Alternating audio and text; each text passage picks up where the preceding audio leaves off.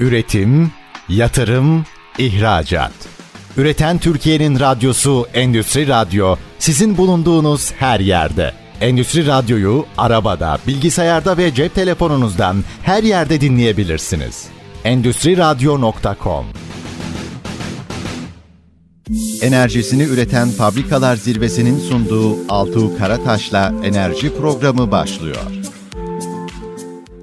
ST Endüstri Radyo'dan Altuğ Karataş'la enerji programından sesimizin ulaştığı bizi dinleyen, Türkiye'nin tüm illerinde karasal yayını olan illerimiz dahil olmak üzere dijital platformlardan Endüstri Radyo'yu dinleyen, Kobilerin radyosunu dinleyen tüm dinleyicilerimize ama sadece Türkiye değil, dijital platformlar ve internet üzerinden dünyanın birçok noktasında da bizi dinleyen herkese sevgilerimizi, saygılarımızı iletiyoruz. Enerjinizin bol ve verimli olduğu bir gün olsun. Bugün yine Altuğ Karataş ile enerji programında önemli bir konuğumu ağırlayacağım ve son yılların ve gelecek e, hatta 10 yılın, gelecek 20 yılın en önemli konularından birini aslında ele alacağız. Kiminle ele alacağız? Önce konuğumu tanıtmak istiyorum. Yeşil Büyüme Eğitim ve Danışmanlık Hizmetleri Direktörü Sayın İlyas Gülenç. İlyas Bey hoş geldiniz programımıza. Hoş bulduk Altuğ Bey. Çok teşekkür ederim davetiniz için. Estağfurullah. Ben teşekkür ediyorum yayına katıldığınız için. Önümüzdeki 5-10 yılın son yıllarında en popüleri dedim, geleceği de söyledim. Niye söyledim? Çünkü bugün aslında birazcık adına yeşil mutabakat denilen, sürdürülebilirlik denilen, şimdi sizin e, kuruluşunuzun ismiyle yeşil büyüme, ben bazen buna yeşil ekonomi diyorum ama aslında büyük bir değişim ve dönüşüm başladı. Bunu sizinle konuşacağız. Sınırda karbon düzenleme mekanizmasından yeşil mutabakata kadar, buradaki vergilerden emisyon ticaret sistemine kadar bunu neden baştan söylüyorum? Bu soruların hepsini size soracağım. Bizi dinleyenler can kulağıyla Endüstri Radyo'da olun. Tüm bu sorularınızı aslında cevap bulacaksınız. İlyas Bey ile birlikte. İlyas Bey ama ben klasik başlangıcımızı yapmak istiyorum hemen sorulara geçmeden. Bize biraz kendinizden ve yeşil büyümeden bahsedebilir misiniz? Çok teşekkür ederim. Öncelikle davetiniz için. Tabii e, başlamadan önce şunu ifade etmek isterim. E, yeşil Büyüme bir buçuk yıl önce faaliyetlerine başladı. Sizin e, baştan e, beri desteğinizin çok faydasını gördük. Hem moral motivasyon açısından hem sesimizi duyurma açısından. Bu konuda baştan teşekkür etmek istiyorum. Ben Yeşil Büyüme Danışmanlık, Eğitim ve Danışmanlık Hizmetleri Direktörüyüm. Biz Avrupa Yeşil Mutabakatı düzenlemeleri 14 Temmuz 2021 yılında yayınlandıktan kısa bir süre sonra faaliyetlerimize başladık. Amacımız biraz önce de sizin girişte ifade ettiğiniz gibi iklim değişikliğinin tetiklemesiyle başlayan çok büyük yeşil dönüşümün özellikle burada şunu da vurgulamak gerekiyor. Avrupa yeşil mutabakatıyla cisimleşen yani yasal mevzuatların konusu haline gelen yeşil dönüşümün ne olduğunun anlaşılması, özellikle Avrupa Birliği ile tedarik zincirleri üzerinden e, ilişkilerimizden dolayı bu düzenlemelerin iş dünyamıza olan etkilerinin tanımlanması, belirlenmesi ve nihayetinde de iş dünyamızın bu dönüşüme ayak uydurabilmesi için atması gereken e, adımları ortaya koyma. Temelde başlangıç noktamız, vizyonumuz bu şekilde özetleyebilirim. Yeşil Büyüme Org internet sitemizde e, güncel konularla ilgili nitelikli yazılar hazırlamaya gayret gösteriyoruz. Yeşil büyüme yazarlığı diye bir konseptimiz var. Özellikle bu alanda sözü olan herkesi e, bekliyoruz platformumuza, Yeşil Büyüme Org sitemize. Ayrıca LinkedIn sayfasında bir buçuk sene içerisinde sadece sadece takipçi sayımız 18 bini geçti. 6 bin e, haftalık bülten abone takipçimiz var.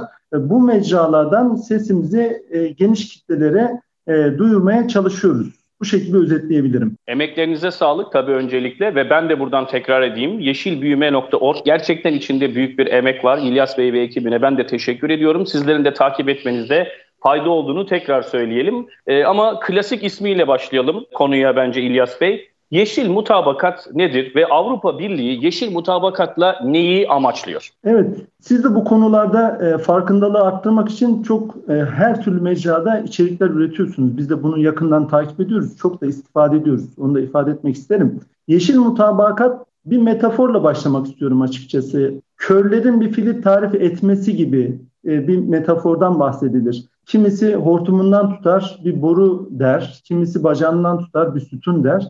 Yeşil mutabakat da açıkçası biraz ben böyle tanımlıyorum. Çok geniş kapsamlı bir e, konu. nereden baktığınıza göre tanımı da değişebilir. Özetle şöyle tanımlayabiliriz. Paris İklim Anlaşması ile birlikte ülkelerin veya organizasyonların e, bu yüzyılın ortasına doğru net sıfır e, taahhütlerinde bulunması sonucunda Avrupa Birliği'nin bu taahhüdünü realize etmek için ortaya koyduğu yasal düzenlemeler bütünüdür Avrupa İşin Mutabakatı. Mevzuat tsunamisi olarak da adlandırılıyor. Yaklaşık 15 bin 20 bin sayfa mevzuat var. Tabii burada biraz daha fikir vermesi açısından şunları ifade edebiliriz. Emisyon ticaret sisteminin gözden geçirilmesi, sınırda karbon düzenleme mekanizması, araçlar için yeni emisyon standartları gibi şöyle tanımlayabiliriz daha iyi anlaşılması açısından. Şimdi temelde iklim değişikliği ile ilgili sorun e, sera gazı emisyonlarının dizginlenmesi. Avrupa Birliği özellikle IPCC raporu Birleşmiş Milletler tarafından yayınlanan IPCC raporuna istinaden emisyon kaynaklarını kendince belirledi ve bu emisyon kaynaklarının dizginlenmesi için bir takım politikalar geliştirdi. Emisyon ticaret sistemi endüstriyel emisyonların azaltılmasına yönelik geliştirilen bir politika aracıdır aslında. 2005 yılında e, hayata geçti. Yeşil mutabakat da peki ne yapıldı? E, emisyon ticaret sistemi biraz daha katılaştırıldı. Bunun uluslararası ticarete yansıyacak şekilde genişletilmesi yani neden e, bahsediyorum? Sınırda karbon düzenleme mekanizması getirildi. Araçlar için yeni emisyon standartları e, dediğimiz aslında çok büyük bir dönüşüm. 2035 yılından itibaren içten yanmalı araçların artık üretilmesinin yasaklanması. Orada tabii belirli bazı e, şerhler düşürüldü Almanya tarafından. Buna benzer farklı emisyon kaynaklarından biraz tekrar olacak emisyonların dizginlenmesi için geliştirilen politikalar bütünü. Tabii bunu anlatırken şunu ifade etmek isterim. Teorik bir anlatım tam meselenin anlaşılmasını sağlamıyor. Belki de biraz güçleştiriyor. Güç, güçleştiriyor. Ee, bizim yaptığımız eğitim faaliyetlerinde veya katıldığımız webinarlarda da bunu görüyorum. Şöyle bir örnek vermek isterim açıkçası. Avrupa Yeşil Mutabakatı sonucunda 2035 yılından itibaren içten yanmalı araçların yasaklanması Avrupa Birliği'ndeki otomotiv üreticilerin tedarik zincirinde olan Türkiye'deki parça üreticileri çok ciddi bir sürdürülebilir riskiyle karşı karşıya bırakıyor. Yani 2035'ten itibaren işten yanmalı araçların artık yavaş yavaş daha az üretilmesi, elektrikli araçların daha fazla yollarda yerini alması Türkiye'deki üreticilerimizin parça satarken zorlanacağı anlamına geliyor. Dolayısıyla somut, elle tutulur büyük bir sürdürülebilir riski oluşturuyor aslında bazı sektörler için. Daha söylenecek çok şey var ama isterseniz bu kadarla yetinelim. Değinmek istediğiniz konular varsa biraz daha açabiliriz onları. Tabii ki ben özellikle biraz daha böyle herkesin de anlayacağı bir dili kullanarak soruda sormaya çalışacağım. O da şu, sınırda karbon düzenleme mekanizması çok konuşuluyor. Biz tabii işin içindeki profesyoneller bununla ilgili hemen her şeyi konuşuyoruz, ediyoruz ama birazcık daha insanların anlaması için şunu belirtelim. Avrupa'ya üre, ürün üretip satan herkes aslında göremediği bir sınır ambargosuyla karşılaşacak. Ama bu ambargoyu delebilmek için ya vergi ödeyecek, yüksek vergiler yapmış olduğu emisyonlardan dolayı, fazla emisyondan dolayı ya da yeşil üretimi destekleyici faaliyetlerini yürütecek, karbon emisyonlarını azaltacak, onların belirttiği sınırın altında kalacak. Yani aslında sınırda karbon düzenlemesi bir anlamda Avrupa'ya ürün satanlar için bir pazar kaybı anlamına da gelebilir, pazar kazancı anlamına da gelebilir. Onun için sınırda karbon düzenleme mekanizmasını soracağım. Ne zaman başlayacak bu sınırda karbon düzenleme mekanizması ve hangi sektörleri kapsayacak e, İlyas Bey? Çünkü bizi şu an birçok sektörden insan dinliyor. Siz de genel çerçeveyi çizdiniz. Aslında başladı. Geçen pazar günü yürürlüğe girdi. Raporlama dönemi olarak 1 Ekim 2023 tarihinden itibaren başladı. Geçiş dönemi 31 Aralık 2025 tarihine kadar sürecek. Hangi sektörleri kapsıyor? Demir, çelik, gübre, çimento, elektrik, hidrojen, e, 6 sektör atladığım var mı tam emin değilim. Bu sektörleri kapsayacak ama burada da kalmayacak Altuğ Bey. Şimdi emisyon ticaret sistemi kapsamına alınan ürünlerin 2030 yılına kadar SKDM kapsamına alınması planlanıyor. Bu konuda Avrupa Birliği 2025 sonrasında bazı değerlendirmelerde bulunacak. Dolayısıyla 2030 yılına kadar seramik, cam, kağıt, kimyasallar gibi petrol sektörü gibi diğer sektörler de kapsam içine alınacak. Yani aslında genişletilecek sınırda karbon düzenleme mekanizması. Ama ilk etapta biraz önce bahsettiğim ürün grupları kapsama alınacak. Bunlar tabii herkesi ilgilendiriyor. O zaman daha da basit indirgeyerek soracağım daha iyi anlaşılması için. Şu anda bizi dinleyen ismi e, ben üretiyorum. ABC Plastik veya DEF Tekstil ya da LMN e, boya diyelim. Hiç önemli değil. Ya da otomotiv diyelim. Birçok firma var şu anda. Türk firmaları bu sistemle beraber sınırda karbon düzenleme mekanizmasıyla birlikte nelerle karşılaşacak? Yani e, karşısına çıkacak şey nedir? Bir onları sizden bilgi olarak talep edelim. Evet, çok karşılaştığımız çok da güzel bir soru. Bu soruyu cevaplayabilmemiz için aslında e, Türkiye'de kurulacak milli emisyon ticaret sisteminden de bahsetmemiz gerekiyor. Şimdi tekstil sektörü, otomotiv sektörü SKDM kapsamına alınmayacak önümüzdeki dönemde. Şimdi bir SKDM'nin oluşturacağı etkiler var. Bir de SKDM'nin tetiklemesiyle Türkiye'de kurulacak olan milli emisyon ticaret sistemini oluşturacağı etkiler var. Bunları ayırmak gerekiyor. SKDM kapsamında ödenecek ücretler şu an için Avrupa Birliği'nde üretim yapan üreticilerin girdi maliyetlerini arttıracak şu an için. SKDM kapsamında ödenen karbon ücretleri. Fakat şöyle bir durum var. Avrupa Birliği SKDM kapsamında ödenecek ücretlerden ihracatın gerçekleştirildiği ülkelerde ödenen karbon ücretlerini düşecek. Yani Türkiye'de kurulacak olan milli emisyon ticaret sisteminde ödediğiniz karbon ücreti Türkiye'de kalacak ve Türkiye'nin yeşil dönüşüm için kullanılacak. Dolayısıyla bu e, madde, SKDM'deki madde dünya genelinde emisyon ticaret sistemleri, sistemlerinin veya karbon vergisi sistemlerinin, biz genel adıyla karbon rejimi diyelim bunlara, bunların güçlenmesine yol açacak. Şimdi sizin sorunuza gelecek olursak, Türkiye'de kurulacak olan milli emisyon ticaret sistemi 2024'ün sonunda faal hale gel- gelmesi bekleniyor. Bu Ekim ayının itibariyle iklim kanununun e, görüşülmeye başlanması ve sonucunda yasalaşırsa emisyon ticaret sisteminin kurulumu da hızlanacak. Türkiye'de emisyon ticaret sistemi kurulduğu zaman SKDM kapsamında ödenecek ücretlerden bizim sakınabilmemiz için e, milli emisyon ticaret sistemindeki ücretlerin biraz yukarıya çekilmesi gerekecek. Böyle bir ihtiyaç var. Tabii burada da bakanlığımız şeye de çok önem veriyor. Milli sektörlerimizin, sanayicilerimizin rekabet gücüne zarar vermemeye de çok önem veriyor. Burada bir denge göz politikası gözetmeye çalışıyor. Türkiye'de milli emisyon ticaret sistemi kurulduğunda ve ücretler belirli bir seviyeye geldiğinde örnek vermek gerekirse mesela Güney Kore 8 sene önce kurdu bunu. Orada ücretler 15-20 euro seviyesinde. O zaman TKDM'nin şu an kapsamından daha geniş kapsamdaki ürün grupları için bir karbon ücreti söz konusu olacak. Ve bu karbon ücretinden dolayı tekstil, otomotiv ve benzeri diğer sektörlerin girdi maliyetleri artacak. Dolaylı olarak etkilenecekler. Tabii milli emisyon ticaret sisteminin kapsamına alınan sektörler onlar doğrudan etkilenecek. Bir karbon ücretiyle karşı karşıya e, kalacaklar. Bir de ihracat yapan firmalarımız var. İhracat yapan firmalarımız ise SKDM kapsamında ödeyecekleri ücretlerden dolayı bir maliyet artışıyla karşı karşıya kalacaklar.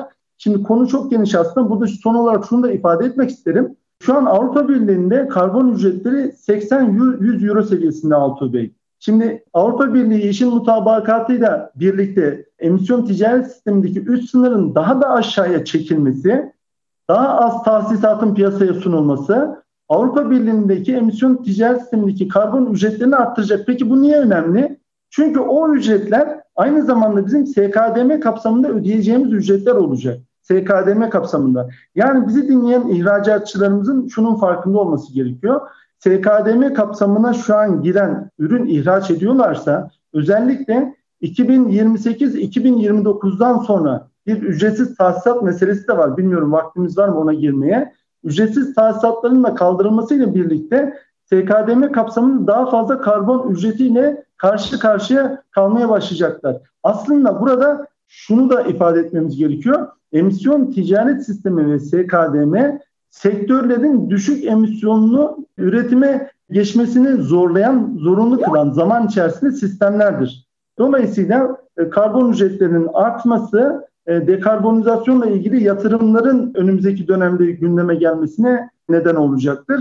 Üreticilerimizin de bu konuda strateji geliştirmeleri, maliyet analizi yapmaları gerekecektir. Şöyle anlamış oluyorum o zaman biraz önce bahsettiğimiz tekstil, otomotiv, işte plastik ya da demir çelik fark etmez. endüstriyel tesisler ürettikleri her bir birim ürün karşılığında ne kadar üretiyorlarsa senede tabii ki bir karbon salımı yapıyorlar. Fosil yakıtlardan veya kullandığı elektrikten dolayı bu karbon salımının ton başına, ton karbon başına bir fiyatlandırmaya maruz kalabilirler. Eğer belirtilen sınırların üstünde bir emisyon salımı gerçekleştiriyorlarsa bu da otomatikman onların maliyetlerinin artmasına, böylece ürünün fiyatının artmasına, bir pazar kaybı gibi dolaylı birçok etkeni ortaya çıkartacak. İşte burada da sorular, sorular, sorular gelecek. Neler yapacağız diyecek mutlaka burada dinleyicilerimiz. İşin korkutucu tarafı da var ama ben bazen bunun avantaj tarafını da görüyorum. Çünkü bir de bir taraftan da rakiplerimiz Çin, Hindistan gibi transportun da uzak olduğu noktalar. Orada da bir karbon salımı var. Bunlarla ilgili de sorularımı yine soracağım İlyas Bey ama bu güzel e, müla, e, mülakatın açısında ilk bölümün sonuna geldik. Onun için ben araya girdim. ST Endüstri Radyo'da Altuğ Karataş'la enerji programında bugünkü konuğum Yeşil Büyüme Eğitim ve Danışmanlık Hizmetleri Direktörü Sayın İlyas Gülenç. İlyas Bey ile birlikte yeşil mutabakata ve sınırda karbon düzenleme mekanizmasına girdik. Ama aklınızdan geçen, merak ettiğiniz tüm soruları kendisine soracağım. Ama ne zaman? Bir ara vereceğiz. Ondan sonra e, bu soruları kendisine ileteceğim. Endüstri Radyo'dan Altuğ Karataş'la enerji programından ayrılmayın. Az sonra tekrar beraber olacağız. Üretim, yatırım, ihracat. Üreten Türkiye'nin radyosu Endüstri Radyo sizin bulunduğunuz her yerde. Endüstri Radyo'yu arabada, bilgisayarda ve cep telefonunuzdan her yerde dinleyebilirsiniz. Endüstri Radyo.com ST Endüstri Radyo'dan Altuğ Karataş'la enerji programından bugünkü programımızın ikinci bölümünden herkese tekrar merhaba. Bizleri Sakarya'dan, İzmit'ten, İstanbul'dan, Yalova, Bursa'ya, Balıkesir, Manisa, İzmir, Gaziantep, Ankara, Kayseri derken yurdun birçok noktasında karasal yayında dinleyenler, ama ben bu programı çok beğendim fakat ilk bölümünü kaçırdım. Ya da bunu ilgili arkadaşlarıma göndermek istiyorum ya da bir daha dinlemek istiyorum diyenler için de ST Endüstri Radyo'nun web sayfasından ya da diğer mecralardan, dijital mecralardan podcast olarak da dinleyebileceğinizi unutmayın. Böylece bilgiyi yayma şansınız da olacak. Bugünkü konuğum Yeşil Büyüme Eğitim ve Danışmanlık Hizmetleri Direktörü Sayın İlyas Gülenç. İlyas Bey ilk bölümde bayağı bir konuya girdik. Hızlı da e, olmak istediğinizi anlıyorum çünkü çok konu var. Ben de çok süre almadan size sözü bırakacağım ve yeni bir soruyu sorarak başlıyorum ikinci bölüme. ETS diyoruz. Emisyon Ticaret Sistemi artık bir emtia olmaya başlayacak. Borsalarda değer görecek. Yepyeni bir ekonomik düzenden ve sistemden bahsediyoruz. Adına karbon dediğimiz ya da emisyon dediğimiz şey de emtia olur muymuş diyecekler ama olacak. Bunların hepsi görülecek. Ben size şunu soracağım. Emisyon ticaret sistemi nedir? Türkiye'de kurulacak emisyon ticaret sistemi ile ilgili beklentiniz nedir? Bir taslak da var çünkü. E, görüşlerinizi alabilir miyim? Konular evet çok geniş. E, şunu söyleyeyim sadece. Emisyon ticaret sistemi ile alakalı kısa bir eğitim e, vermiştik. 4,5 saat sürmüştü. Yani kısa olmasına rağmen o kadar geniş bir konu. Şimdi emisyon ticaret sistemi aslında bir e, zorunluluğa istinaden hayatımıza girdi diyebilirim. Sera gazlarının e, dizginlenmesi konusu son yıllarda alınan bütün tedbirlere rağmen yani bu konuda atılan adımlarla ilgili istenen netice ortaya çıkmadı. Özellikle 1990'dan sonra günümüze kadar baktığımızda bütün o konferanslara, bütün o sürdürülebilirlik raporlarına rağmen sera gazlarının %85 oranında arttığını görüyoruz. Peki bu neye neden oluyor? Geçtiğimiz aylarda, günlerde Libya'da yaşanan sel felaketinde 41 bin kişi etkilendi, 4 bin kişi hayatını kaybetti ve 10 bin kişinin kayıp olduğu ifade ediliyor. Şimdi bunlar aslında iklim değişikliğinin neden olacağı çevresel felaketlerin fragmanı niteliğindeki olaylar. Emisyon ticaret sistemi burada sektörleri düşük emisyonlu üretime geçirmeye zorlayan bir politika aracı olarak geliştirildi. Bu sistem içerisinde kapsama alınan e, karbon yoğun sektörlere yönelik bir emisyon üst sınırı belirleniyor politika yapıcıları tarafından. Daha sonra bu üst sınırda karbon tahsisatları birer tonluk paketlere bölünüyor. O şekilde ifade edeyim, edeyim. Tahsisat olarak ifade ediliyor. Üreticilerin ise o yıl gerçekleştirdikleri emisyon miktarınca tahsisat almaları zorunlu kılın, kılınıyor. Bu sayede aslında şu yapılmak isteniyor birkaç maksadı var. Birincisi Açık arttırma usulüyle satılan tahsisatların ücretlerinin zaman içerisinde yükselmesiyle birlikte düşük emisyonlu teknolojilerin de daha maliyet etkin bir noktaya gelmesi sağlanarak sektörlerin zaman içerisinde esnek bir şekilde düşük, düşük emisyonlu üretime geçmesi. Temel mantık bu diye özetleyebilirim aslında.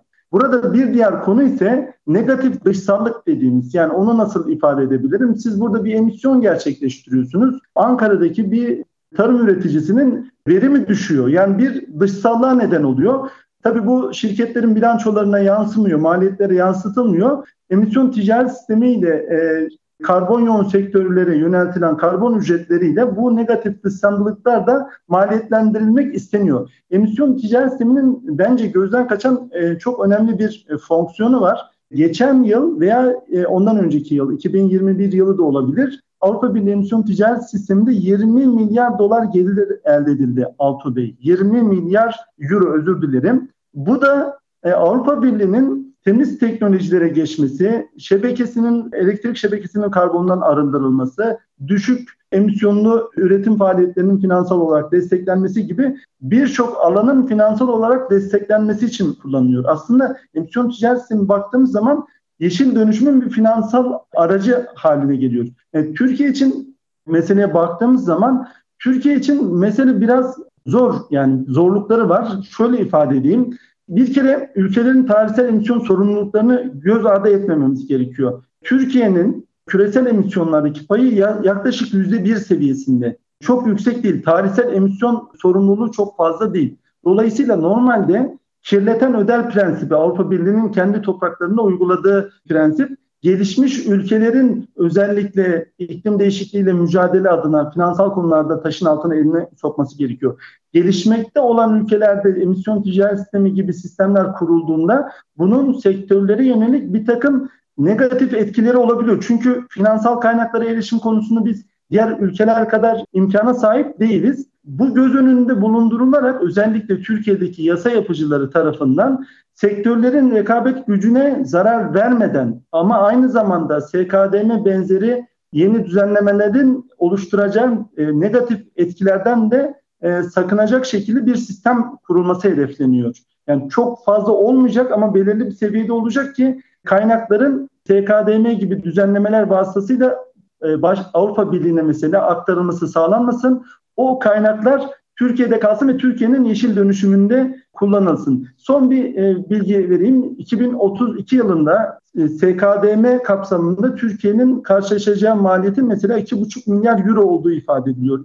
İBRD tarafından yapılan bir çalışmayla. Tüm bu faktörleri e, göz önünde bulundurarak Türkiye'de 2024'ün sonunda pilot uygulama şeklinde bir emisyon ticaret sisteminin hayata geçmesi bekleniyor. Şimdi ben de bir soru daha soracağım ama soruyu sormadan önce son zamanlarda sosyal medyada karşılaştığım komik bir durumu da burada ifade edeceğim. Birçok yerde komplo teorisi üretenler artık sosyal medya buna çok müsait. Türkiye'nin Avrupa Birliği yeşil mutabakatına imza atmaması gerekiyor filan gibi şeyler türetmeye başladılar. Bir şey imza atıldığı yok. Avrupa Yeşil Mutabakatı kendisine mal satan hiçbir ülkeyle bir imza da atmıyor zaten. Böyle bir anlaşma da değil bu. %47'sini ee, ürettiğimizin Avrupa'ya ihraç eden bir ülkedeyiz biz. Bizim ülkemiz bu. Ürettiğimiz her iki üründen birini satıyoruz Avrupa Birliği'ne. Ya kendimize başka bir kıta bulacağız Avrupa'ya satmayacaksak ya da bu kurallara nasıl uyabiliriz? Çabukça buna bakacağız. Bu kapsamda soruyu size soracağım. Avrupa Birliği'ne ihracat yapan, biraz önce ABC, DEF diye isim koymuştuk ki otomotiv ya da kimyada. Avrupa Birliği'ne ihracat yapan firmalarımız sınırda karbon düzenleme mekanizması kapsamında kiminle muhatap olacaklar? Nasıl bu sistemin içinde nasıl bir muhataplık görecekler? Nasıl bir takım işlemler gerçekleştirecekler? Evet, o konu şu an şirketlerimizin herhalde ihracat yapan şirketlerimizin en merak ettiği konu. Bu düzenleme giriyor ama ben ne yapacağım somut olarak? Şimdi SKDM kapsamında raporlama zorunluluğu Türkiye'deki üreticileri getirilmedi. Raporlama zorunluluğu Avrupa Birliği'ndeki ithalatçı firmalar veya onların temsilcileri aracılığıyla yapılacak. Yani Türkiye'deki firmaların bir raporlama zorunluluğu yok. Ancak yanlış anlaşılmaması açısından burayı şöyle ifade edeyim. Neticede Avrupa Birliği'ndeki ithalatçı firmaların bu raporlamayı yapabilmesi için Türkiye'deki, Türkiye üzerinde konuşuyoruz şu an, firmalardan gömülü emisyon bilgilerini alması gerekiyor. Şimdi almadığı takdirde geçiş dönemi içinde bir takım cezalar öngörülüyor 10 euro ile 50 euro arasında. Benim beklentim Temmuz ayına kadar bu cezaları uygulamayacaklar. Temmuz'dan sonra bu cezaları uygulayacaklar. İthalatçı firma bu tarz bir cezayla karşılaşırsa ürün aldığı yani rapor etmeyen, üründeki gömül emisyonları rapor etmeyen ithalatçıları sorgulayabilir o verilere ulaşması gerekiyor raporlama yükümlülüğünü yerine getirebilmesi için. Türkiye'deki firmaların ana sorumluluğu gömülü emisyonları ithalatçı firmalara bildirmek. Şimdi bununla ilgili Avrupa Komisyonu bir rehber yayınladı 266 sayfa. SEM dili kullanarak Türkiye'deki daha doğrusu Avrupa dışındaki operatörlerin SKDM kapsamında ne yapmaları gerektiğini detaylı bir şekilde anlattı. Orada sistemin sınırlarının belirlenmesi, üretim proseslerinin belirlenmesi, üretim rotalarının belirlenmesi, ölçümle ilgili metodolojilerin seçilmesi, hesaplama temelli, e, ölçüm temelli olması, daha doğrusu izleme ile ilgili metodolojilerin seçilmesi gibi bir organizasyonun kurulması e, gibi bir takım sorumlulukları var. Bu raporlama yükümlülüklerini yerine getirebilmesi için bu organizasyonu kuracaklar, izleme metodolojisi dokümanını oluşturacaklar ve Avrupa Birliği tarafından yayınlanan Excel tablosunu doldurarak bunu ithalatçı firmalara e, rapor edecekler. Temel olarak sorumlulukları Türkiye'deki firmaların sorumlulukları bu şekilde özetlenebilir. Bu çok önemli ama tabii burada belki Aa, bir tane Excel tablosu doldurup veriyormuşuz gibi değil. Sizin de anlattığınız gibi e, oradaki gömülü emisyonları yani ne kadar e, emisyon yaydıklarını dünyaya hesaplayacak, ölçecek, üretim rotalarına kadar belirleyecek 266 sayfa dediğiniz bir rehberden bahsediliyor. Dolayısıyla burada firmaların aslında bir danışmanlığa ya da bu konuda yetkin personel ve altyapıya sahip olmaları gerekiyor. İşte sorunların başlayacağı yerler. Bununla ilgili de soracağım inşallah size. Şimdi ikinci bölümün sonuna doğru geliyorken şöyle bir soru da soracağım. Diyorum ya hep korkutmak da değil burada amacımız. Sınırda karbon düzenleme mekanizmasının risklerini söylüyoruz, sıralıyoruz. Pazarınızı kaybedebilirsiniz. Uygulanacak ithalatçı tarafından alınacak vergiler aslında sizin fiyatınızı arttırmış oluyor. Burada pazar kaybetme e, riski var. Bu risk ve fırsatlar da olabilir mi? Çünkü dedik ya biz de Çin'le Hindistan gibi ülkelerle mücadele edeceğiz. Avrupa'ya başka ihracat yapan ülkelerle. SKDM'nin risk ve fırsatları nelerdir? Evet, e, riskleri aslında bahsettik. Karbon ücreti gelecek şeklinde riskler zaman içerisinde artan karbon ücretleri e, diyebiliriz ana risk. Fırsat olarak aslında Türkiye ilginç bir ülke bazen biraz geç aksiyon alıyor ama harekete geçtiği zaman çok hızlı bir şekilde reaksiyon gösterebiliyor. Özellikle 2026, 2028, 2029 yıllarından sonra karbon ücretlerinin artmasıyla birlikte eğer Türkiye'deki üreticilerimiz dekarbonizasyon anlamında doğru stratejileri maliyet etkin bir şekilde hayata geçirebilirlerse o zaman daha az karbon ücreti ile karşılaşacaklar ve Avrupa Birliği pazarında satacakları SKDM kapsamındaki ürünlerin rekabet gücü daha da artacak. Bu aslında biraz yani fırsat olması biraz bizim e, ülkemizdeki üreticilerin biraz performansına bağlı diyebilirim. Bu anlamda e, başta ifade etmek istiyordum ama istiyordum sizin çalışmalarınız çok önemli. Enerji verimliliği adına zaten enerji verimliliği deyince Türkiye'de ilk akla gelen isimlerdensiniz. Enerji verimliliği arttırıldığı ölçüde emisyonlar azalacaktır emisyonların azalması demek daha az karbon ücretiyle karşılaşacağımız anlamına geliyor. geliyor. Ama dekarbonizasyon süreçleri de çok e, basit değil. Oldukça karmaşık. Bu konuyla alakalı Amerika Birleşik Devletleri'nde yeni bir rapor yayınlandı. En, Enerji Bakanlığı olması lazım. Orada çok kapsamlı bir şekilde analizlere yer verildi. Yatırım boyutu da var bu işin. Hani orada bir pencere açmak istiyorum açıkçası. Ya, SKDM, ETS'yi şununla beraber okumak gerekiyor. Avrupa, Amerika Birleşik Devletleri temiz teknolojilerin geliştirilmesi için 369 milyar dolar kaynak ayırdı. Benzer kaynaklar şu an Avrupa Birliği'nde de net sıfır endüstri yasasıyla ayrıldı. Milyar dolar seviyesinde, milyar euro seviyesinde. Dolayısıyla biz önümüzdeki dönemde Çin, Amerika Birleşik Devletleri ve Avrupa Birliği'nde düşük emisyonlu teknolojilerin giderek yaygınlaşacağını gör- göreceğiz. Bu noktada da bizim yarışı arkada götürmememiz gerekiyor. Temiz teknolojiler konusunda eğer avantajlı bir konuma gelebilirsek hem bunları yurt dışına satarak buradan önemli gelirler elde edebiliriz hem de endüstrilerimizin artan karbon ücretlerine karşı rekabet güçlerini e, koruruz. son bir noktayı vurgulamak istiyorum. Korumacılık eğilimi de arttı bu noktada temiz teknolojilerin net sıfır ekonomiye geçişindeki önemini kavrayan ülkeler özellikle bu teknolojilerin yerli üretim oranını arttıracak şekilde yasal düzenlemeler getiriyorlar. Bunu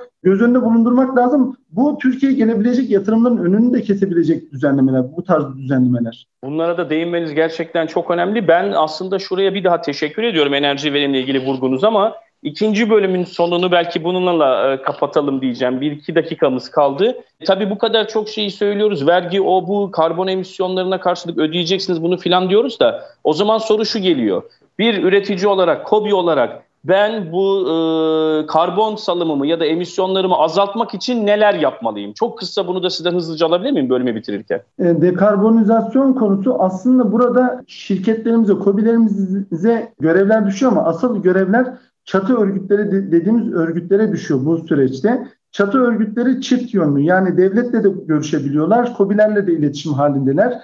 Eğer çatı örgütleri karbon emisyonlarının azaltılması, enerji verimliliği, süreçlerin iyileştirilmesi gibi konularda kendi sektörlerine yönelik nitelikli çalışmalar yapabilirlerse, orada mentörlük yapabilirlerse, uzman görüşlerini COBİ'lerin erişimine daha yüksek sesle sunabilirlerse, COBİ'lerimizin çok fazla finansal kaynak harcamadan bu dönüşüme hazırlanması biraz daha kolay olabilir.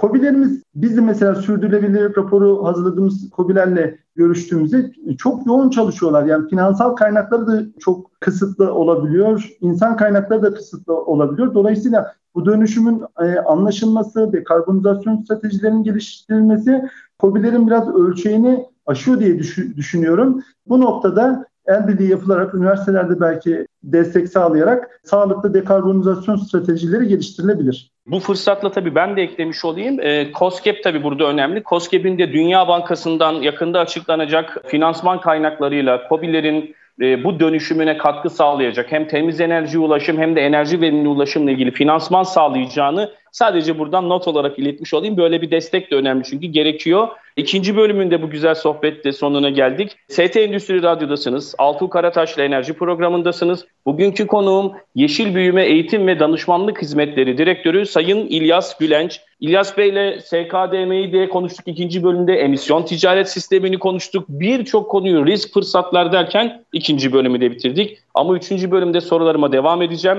ve sizler için faydalı bilgileri iletmeye de İlyas Bey devam edecek. Şimdi ST Endüstri Radyo'dan ayrılmayın kısa bir aradan sonra sizlere faydalı bilgilerle dönüp tekrar bilgilendirmeye çalışacağız. Müsaadenizi istiyoruz. Üretim, yatırım, ihracat. Üreten Türkiye'nin radyosu Endüstri Radyo sizin bulunduğunuz her yerde. Endüstri Radyo'yu arabada, bilgisayarda ve cep telefonunuzdan her yerde dinleyebilirsiniz. Endüstri Radyo.com ST Endüstri Radyo'dan Altuğ Karataş'la enerji programından size hem enerji veren ama aynı zamanda enerjinizi verimli kullanmanızı aslında bilgilendirmeye çalışan, aynı zamanda da önümüzdeki süreçle ilgili faydalı bilgileri konuklarıyla birlikte sizlere ulaştırmaya çalışan aslında bir programdayız. Bugüne kadar birçok konuğumuzu ağırladık. Sizlerin enerji maliyetlerinizi azaltmak, çevreye daha duyarlı üretim sağlamanızı gerçekleştirmek için birçok konuyu ele aldık. Bugün de yeşil mutabakat kapsamında bu yeşil dönüşümü, yeşil ekonomiyi hatta yeşil büyümeyi konuşuyoruz. Kiminle konuşuyoruz? Yeşil Büyüme Eğitim ve Danışmanlık Hizmetleri Direktörü Sayın İlyas Gülenç. İlyas Bey birçok konuyu ele aldık. Hala da daha çok konumuz var ama ben şöyle gireceğim 3. bölüme de. Sürdürülebilirlik raporları dediniz. 1 Ekim'den itibaren aslında süreç başladı. İthalatçılar bunu yapacak ama Bizim buradaki üreticilerden de bunu isteyecekler dediniz. Sorum şu, sürdürülebilirlik raporları nedir, neleri kapsamaktadır? Sürdürülebilirlik raporlaması aslında sorduğunuz sorularda tam bir bütünlüğü sağlıyor. ETS ve SKDM'yi konuştuktan sonra sürdürülebilirlik raporlamasını konuşmamız gerekiyor. Sürdürülebilirlik raporlaması şirketlerin çevresel, sosyal ve yönetişim alanlarındaki performansını paydaşları ile şeffaf bir şekilde e, paylaşabilmeleri için yapılan raporlamalardır diyebiliriz. En bilinen e, raporlama çerçevesi GRI raporlaması. E, fakat e, sürdürülebilirlik raporlaması çerçevelerinde çok radikal dönüşümler yaşanıyor. Özellikle bu yaz çok önemli iki gelişme oldu. E, bunlardan birincisi Avrupa Birliği'nde kurumsal sürdürülebilirlik raporlama direktifiyle e, bu sene içerisinde daha doğrusu Aralık 2022'de yürürlüğe girdi. Kurumsal sürdürülebilirlik raporlama direktifiyle Avrupa Birliği'ndeki 50 bin şirkete kurumsal sürdürülebilirlik raporlaması zorunlu hale geliyor. Peki bu neden bizi ilgilendiriyor? Niye Avrupa Birliği'ndeki bu direktif e, bizi ilgilendirsin? Şöyle Avrupa Birliği Brüksel etkisi dediğimiz bir etki var. 80'in üzerindeki ülkenin Avrupa Birliği ihracatında, ticaretinde en önemli aktör. Dolayısıyla bu ekonomik gücünü kullanarak tedarik zincirlerinin çevresel ve insan hakları ihlallerinden arındırılmasını istiyor. Böyle bir hedefi var. Kurumsal sürdürülebilirlik raporlama direktifiyle birlikte yapılacak raporlamalarda Avrupa Birliği'ndeki şirketlerin veya Avrupa Birliği'nde dışında Avrupa Birliği dışında olsa da Avrupa Birliği'nde önemli ekonomik faaliyetleri olan şirketlerin tedarik zincirlerini kapsayacak şekilde raporlama yapmasını istiyor. Dolayısıyla önümüzdeki dönemde biz şunu göreceğiz. Avrupa Birliği'ndeki şirketlerin tedarik zincirinde olan şirketlerin karbon ayak izi hesaplamaları, karbon ayak izini azaltmayla ilgili çalışmaları, enerji verimliliği ile ilgili çalışmaları, insan hakları ile alakalı çalışmaları e, gibi konularda Türkiye'deki şirketlerden daha fazla e, bilgi talep edecek. Burada burada şunu da e, ifade etmem gerekiyor. Şimdi e, GRI raporlamasında her şirket farklı mecraları kullanarak kendi yapacağı önemlilik değerlendirmesine göre raporlamasını yapıyor. Yani siz seramik sektöründe faaliyet gösteren şirketlerin raporlarını karşılaştırma imkanından mahrumsunuz. Ayrı ayrı raporlarını açacaksınız oradaki atık, su, enerji verimliliği gibi başlıklarda performansını ancak o şekilde karşılaştırabilirsiniz. Ama Avrupa Birliği'nde hayatınıza girecek olan, daha doğrusu giren kurumsal sürdürülebilirlik raporlama direktifi ile birlikte artık raporlamalar elektronik ortamda yapılacak. Dolayısıyla elektronik ortamda yapılan raporlamalar aynı sektörde faaliyet gösteren şirketlerin ESG parametrelerinin karşılaştırılmasına imkan verecek. Bu önemli bir parametre. Yatırımcılar da e, yatırım kararlarını önümüzdeki dönemde özellikle iklim değişikliğine bağlı sürdürülebilirlik risklerinden sakınmak isteyen yatırımcılar da bu ESG parametrelerini belki dikkate alarak raporlamalarını yapacaklar. İşin finansal kaynaklara erişim konusunda böyle bir yönü var. Onun haricinde konuştuğumuz ETS ve SKDM'ye konuyu bağlayacak olursak bu raporlama zorunluluğu SKDM kapsamındaki yapılacak raporlamanın çerçevesi belli. Onun ölçümünü yaparsınız. Sonrasında e, raporlamanızı yaparsınız. Ama dekarbonizasyon stratejileri bütün organizasyonu ilgilendiren konulardır. Dolayısıyla bunun kurumsal sürdürülebilirlik anlayışıyla ele alınması gerekiyor. Buradaki teknolojilerin incelenmesi, enerji verimliliği konusunda atılacak adımların belirlenmesi, yenilenebilir enerjiye geçiş konularının kurumsal sürdürülebilirlik çerçevesinde ele alınması gerekiyor. Bu konuya son ilavem e, şu olsun. Şu ana kadar finansal e, raporlama ile kurumsal raporlamayı karşılaştırdığımızda kurumsal raporlama biraz daha alt seviyedeydi. Yatırımcıların nezdinde de e, bu düzenlemeleri yapan yasa yapıcıların nezdinde de. Zaten Avrupa Birliği'ndeki e, bundan önceki raporlama direktifinin ismi Non-Financial Reporting e, Directive yani finansal olmayan aslında ikinci bir önem atfediyorsunuz burada. Önümüzdeki dönemde biz şunu göreceğiz. Finansal raporlama ile ESG raporlamasının eş seviyeye geldiğini göreceğiz. Özellikle yatırımcılar, bankacılar e, nezdinde. Bu anlamda da kurumsal sürdürülebilirlik faaliyetlerinin ve raporlamalarının önemi giderek artıyor diyebiliriz. Yepyeni kavramlar, yepyeni süreçler, yepyeni dönemler, ekonomilerde inanılmaz değişimler, işin üretiminden, malzeme temininden, yönetilmesinden, hatta enerjinin dijitalleşmesi, izlenmesi, üretimin dijitalleşmesi, izlenmesi, karbon ayak izlerinin bile belki de dijital olarak hesaplanması gibi aslında inanılmaz bir süreçten bahsediyoruz İlyas Bey. Şimdi siz söyleyince bir soru daha ben burada soracağım. Ben bunu iklim şurasını yuvarlak masa üyesi olarak da aynı zamanda bakanlarımızı da sormuştum. Biz bu dönüşümler için hızlı hareket ediyoruz. OSB'ler, sanayi odaları, ticaret odaları, bakanlığımız, altı bakanlığımız çalışıyor. Her şey çok güzel. İklim şurasında kararlar aldık. Yakında mecliste iklim kanunu gelecek filan. Sorum şu. Türkiye'de bu yeşil dönüşüm, yeşil ekonomi konusunda yetişmiş insan gücümüz var mı? Yani e, kavramlar var, politikalar var, çerçeveleri var ama bunu hayata geçirebileceğiz mi? E, sizin sorduğunuz soru o. Realize edebilecek miyiz? Çok önemli bir soru.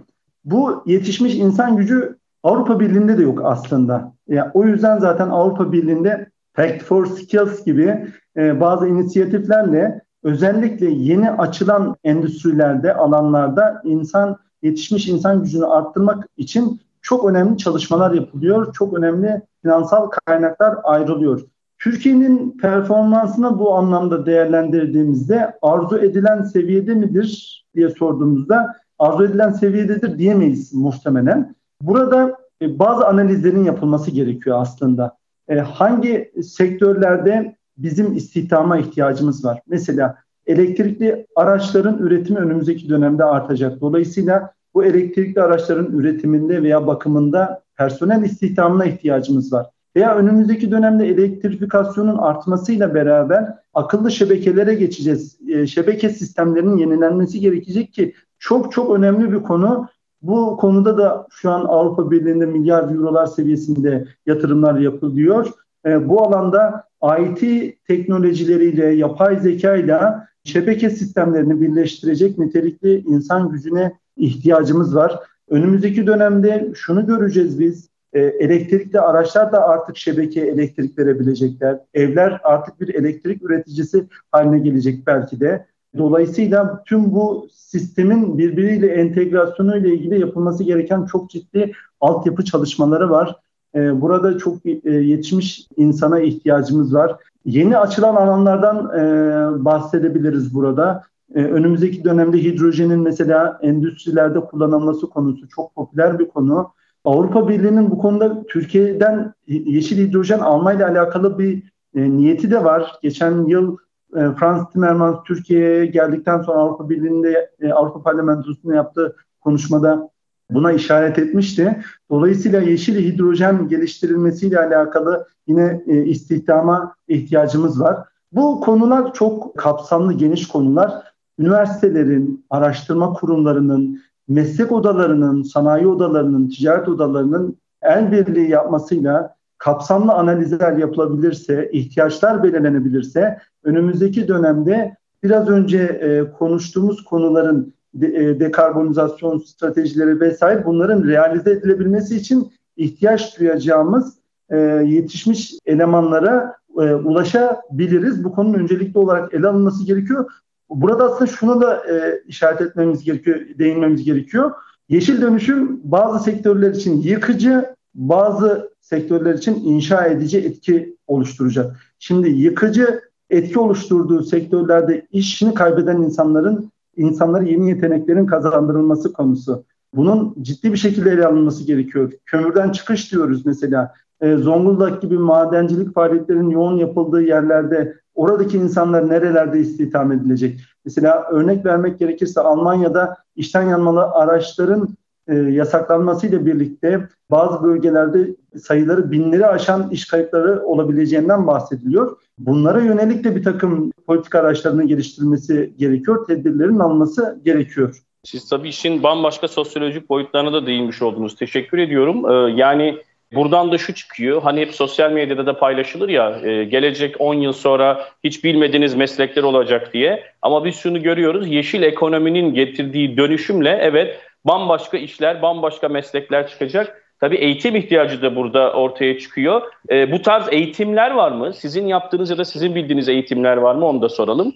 Bu tarz eğitimler e, gördüğüm kadarıyla meslek odaları kendi üyelerine yönelik ihtiyaç gördükleri alanlarda gerek uzmanları çağırarak gerek kendi belki iş kapasitesindeki enstrümanları, e, kaynakları kullanarak bir takım eğitimleri vermeye çalışıyor. Biz önümüzdeki dönemde özellikle kurumsal sürdürülebilirlik eğitimlerine biraz yoğunlaşacağız. Biraz önce kurumsal sürdürülebilirlik raporlama direktifinden bahsettim. Bir de Uluslararası Sürdürülebilirlik Standartları Kurulu'nun yeni yayınladığı rapor var. O raporların, raporlama sisteminin borsalarda özellikle e, kullanılması bekleniyor. Bu konu e, dediğim gibi ARGE çalışmalarına da dokunuyor. Endüstriyel bir takım analizlerin de yapılması gerekiyor. E, şu an derli toplu olarak bir yerde veriliyor mu? Açıkçası benim bildiğim bu tarz eğitimler yok. Parça parça verilen eğitimler var, gayretler var. Onu görüyoruz zaten sosyal medyada. Yani bir şey yapılmıyor anlamı çıkarılmasın buradan. Ama biraz daha e, sistematik bir şekilde götürülmesi açısından veya duyurulması açısından bunun topluma bir takım önlemler alınabilir, bir takım çalışmalar yapılabilir. Siz de yapıyorsunuz. Dün gördüm e, sizin paylaşımınızı Avrupa Birliği'nden fon almışsınız. Tebrik ederim bu arada. Bu tarz çalışmaların daha da yaygınlaştırılması gerekiyor. Teşekkür ediyorum. İnşallah hep birlikte birçok projeye de imza atacağız. Ülkemizin bu konudaki gelişimini gençlerimizin de önünü açmak için mutlaka bazı görevlerimiz var. Onları da hep birlikte el ele vererek inşallah geliştireceğiz. Son bölüme doğru giderken sizden şu tavsiyeyi de isteyeceğim. Bizi dinleyen KOBİ yöneticileri, endüstriyel tesis, ticari binalar yani karbon salımı yüksek ama ülkenin dinamosu olan, üreten, üretmekle ihtiyacımız var zaten. Ekonomimizi düzlüğe çıkartmak için üretmek ve ihraç etmek zorundayız. Onlar için bu sürdürülebilirlik yolunda, bu yeşil dönüşüm yolunda ne yapmaları gerektiğini şöyle adım adım ve hızlı bir biçimde e, bir plan gibi verebilir misiniz acaba? Evet, yine e, çok güzel bir soru. Öncelikli olarak yani birinci yapılması e, gereken konu yöneticilerimizin, şirket yöneticilerimizin sürdürülebilirlik konusunun bir çevresel sorun gibi değil de gerçekten üretim faaliyetlerini önümüzdeki dönemde çok ciddi etkileyecek bir takım riskleri ve fırsatları beraberinde getiren e, bir kavram olduğunu anlamaları gerekiyor. Sürdürülebilirlik konusunu. Dolayısıyla yurt dışındaki şirketlerde artık sürdürülebilirlik fonksiyonu diyelim şirketlerde yönetim kurulunda kurullarında temsil ediliyor. Yönetim kurulun, kurullarında bununla alakalı uzmanlaşmış kişiler var. Ee, yönetim kurullarının kendi sektörlerine yönelik sürdürülebilirlik, risk ve fırsatlarını değerlendirecek mekanizmalar oluşturmaları gerekiyor. Bunu kendi iç bünyelerinde oluşturmayı tercih edebilirler. Personel kapasitelerine e, uygun şekilde e, veya bağlı oldukları meslek örgütleri, çatı örgütleri bünyesinde bir takım faaliyetler yap- yapabilirler. Sürdürülebilirlik kültürünün tabana yayılması gerekiyor Altuğ Bey. Ya, çok önemli bir konu bu. Verdiğimiz eğitimlerde şununla çok karşılaşıyoruz. Bir çevre yöneticisi mesela bu konuyla alakalı görevlendirilmiş. E, şirket içerisinde diğerleriyle de eş seviyede yani çok e, şey yetkisi de yok. Sürdürülebilirlik konusu beraberinde bir takım stratejik kararları da almayı gerektiriyor. E, o noktada da yetkisi e, olmayabiliyor. Dolayısıyla yönetim kurulundan başlayacak şekilde her kurumun kendi iç organizasyonuna uygun şekilde bazı mekanizmalar oluşturması gerekiyor. Yani en öncelikli yapılması gereken konu bu diyebilirim. Daha sonra da sektörel analizler ile konunun derinleştirilmesi gerekiyor. Tabii çok güzel gitti sohbet böyle son 30-40 saniye içinde sizin tarafta şöyle bir sorum olacak. Siz yeşil büyüme olarak biz de size desteğimizi söylüyoruz. Çok faydalı bilgiler, bir bilgi yayıcı görevi var. Yeşil büyüme olarak hedefleriniz nedir? Neler planlıyorsunuz geleceğe yönelik? Önümüzdeki dönemde e, özellikle kurumsal sürdürülebilirlik raporlama eğitimleri bu konuya ağırlık vereceğiz. SSB, CSR'de GRI ile alakalı eğitimler hazırlayacağız. Biz kurumsal olarak uygulamalı e, sürdürülebilirlik raporlaması eğitimi de veriyoruz. Kurumsal olarak vermenin çok faydasını gördük. Özellikle Ege Üniversitesi'nde böyle bir eğitim vermiştik. 15-16 akademisyenimiz katılmıştı. Orada kurum içerisinde bir istişare mekanizması da oluşuyor. Herkes aynı e, düzende bir araya gelip fikir jimnastiği, beyin jimnastiği e, yapılıyor. Bu tarz sektöre katma değer üretecek e, çalışmalar yapmak istiyoruz. Yani işi teoriden kurtarıp biraz önce sizin sorduğunuz sorularda çok vardı bu. Yani reelde ne yapmamız gerekiyor? Reelde hangi adımları atmamız gerekiyor? E, bu konularda şirketlerimize e, yardımcı olmak istiyoruz temelde. Yeşil Büyüme Eğitim ve Danışmanlık Hizmetleri Direktörü Sayın İlyas Gülenç aktardığınız tüm bilgiler için, katkılarınız için ülkemizin üretim gücüne çok teşekkür ediyorum size. Ben çok teşekkür ediyorum. Çok büyük bir keyifti sizinle sohbet etmek. Çok istifade ediyoruz çalışmalarınızdan. Sizi de ilgiyle takip ediyoruz. Bunu da ifade edeyim. Bir mukabele karşılıklı. Ben de tekrar başarılar diliyorum bu çalışmalar için. Değerli dinleyicilerimiz bugün Yeşil Büyüme Eğitim ve Danışmanlık Hizmetleri Direktörü Sayın İlyas Gülenç'i konuk ettik. Çok fazla bilgi var. Belki de bu ıı, yayını podcastlerle dediğim gibi paylaşacaksınız. Çok faydalı olduğunu düşündüğüm bir yayındı. Tekrar kendisine teşekkür ediyorum. ST Endüstri Radyo'da Altuğ Karataş'la enerji programının sonuna geldik. Sizlere faydalı bilgiler iletmeye çalıştık enerjinizin bol ama verimli kullanıldığı, karbon ayak izinizin düşük, dünyayı ve çevreyi koruduğunuz bol güneşli günleriniz olsun diyorum. Hepinize sevgi ve saygılarımı sunuyorum. Hoşçakalın.